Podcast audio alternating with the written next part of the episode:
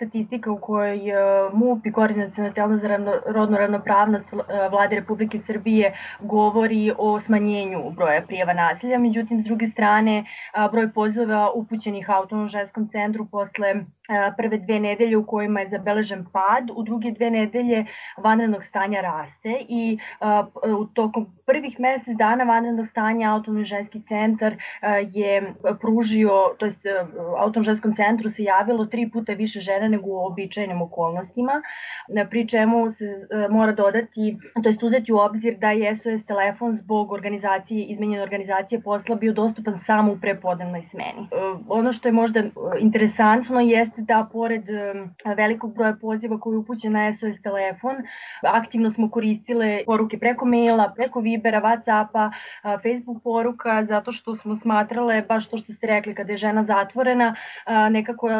prosto moralo da se obezbedi način da nam se ona obrati, a da to nije poziv, jer um, smo svesne prosto da, da mnoge žene će biti u mogućnosti samo da nam se obrate pismenim putem. Šta su žene najčešće prijavljivale? Prijavljivale su najčešće različite oblike psihičkog nasilja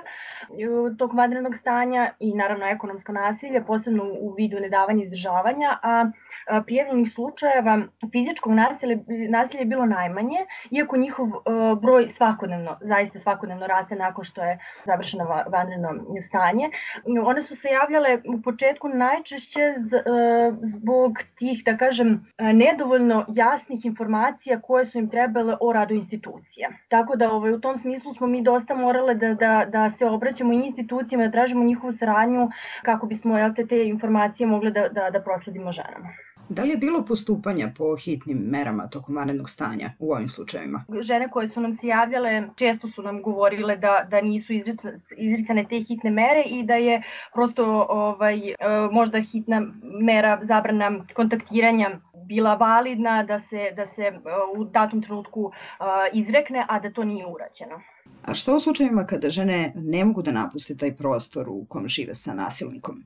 Nekako ti svi neki planovi, individualni planovi, sigurnosni planovi a, žena koje preživljavaju to su malo u vodu onog trenutka kada su one bile, da kažem, zatvoreni i mislim da ih je to dosta razdrmalo, njihove temelje preživljavanje dosta razdrmalo i da će sad morati iznova da prave, pričamo o ženama koje su prosto na neki način zavisne od nasilnika i ne, nisu situacije da ga napuste. Ovo, mislim da će ovo dosta izmeniti njihove situacije preživljavanja, ali vidjet ćemo.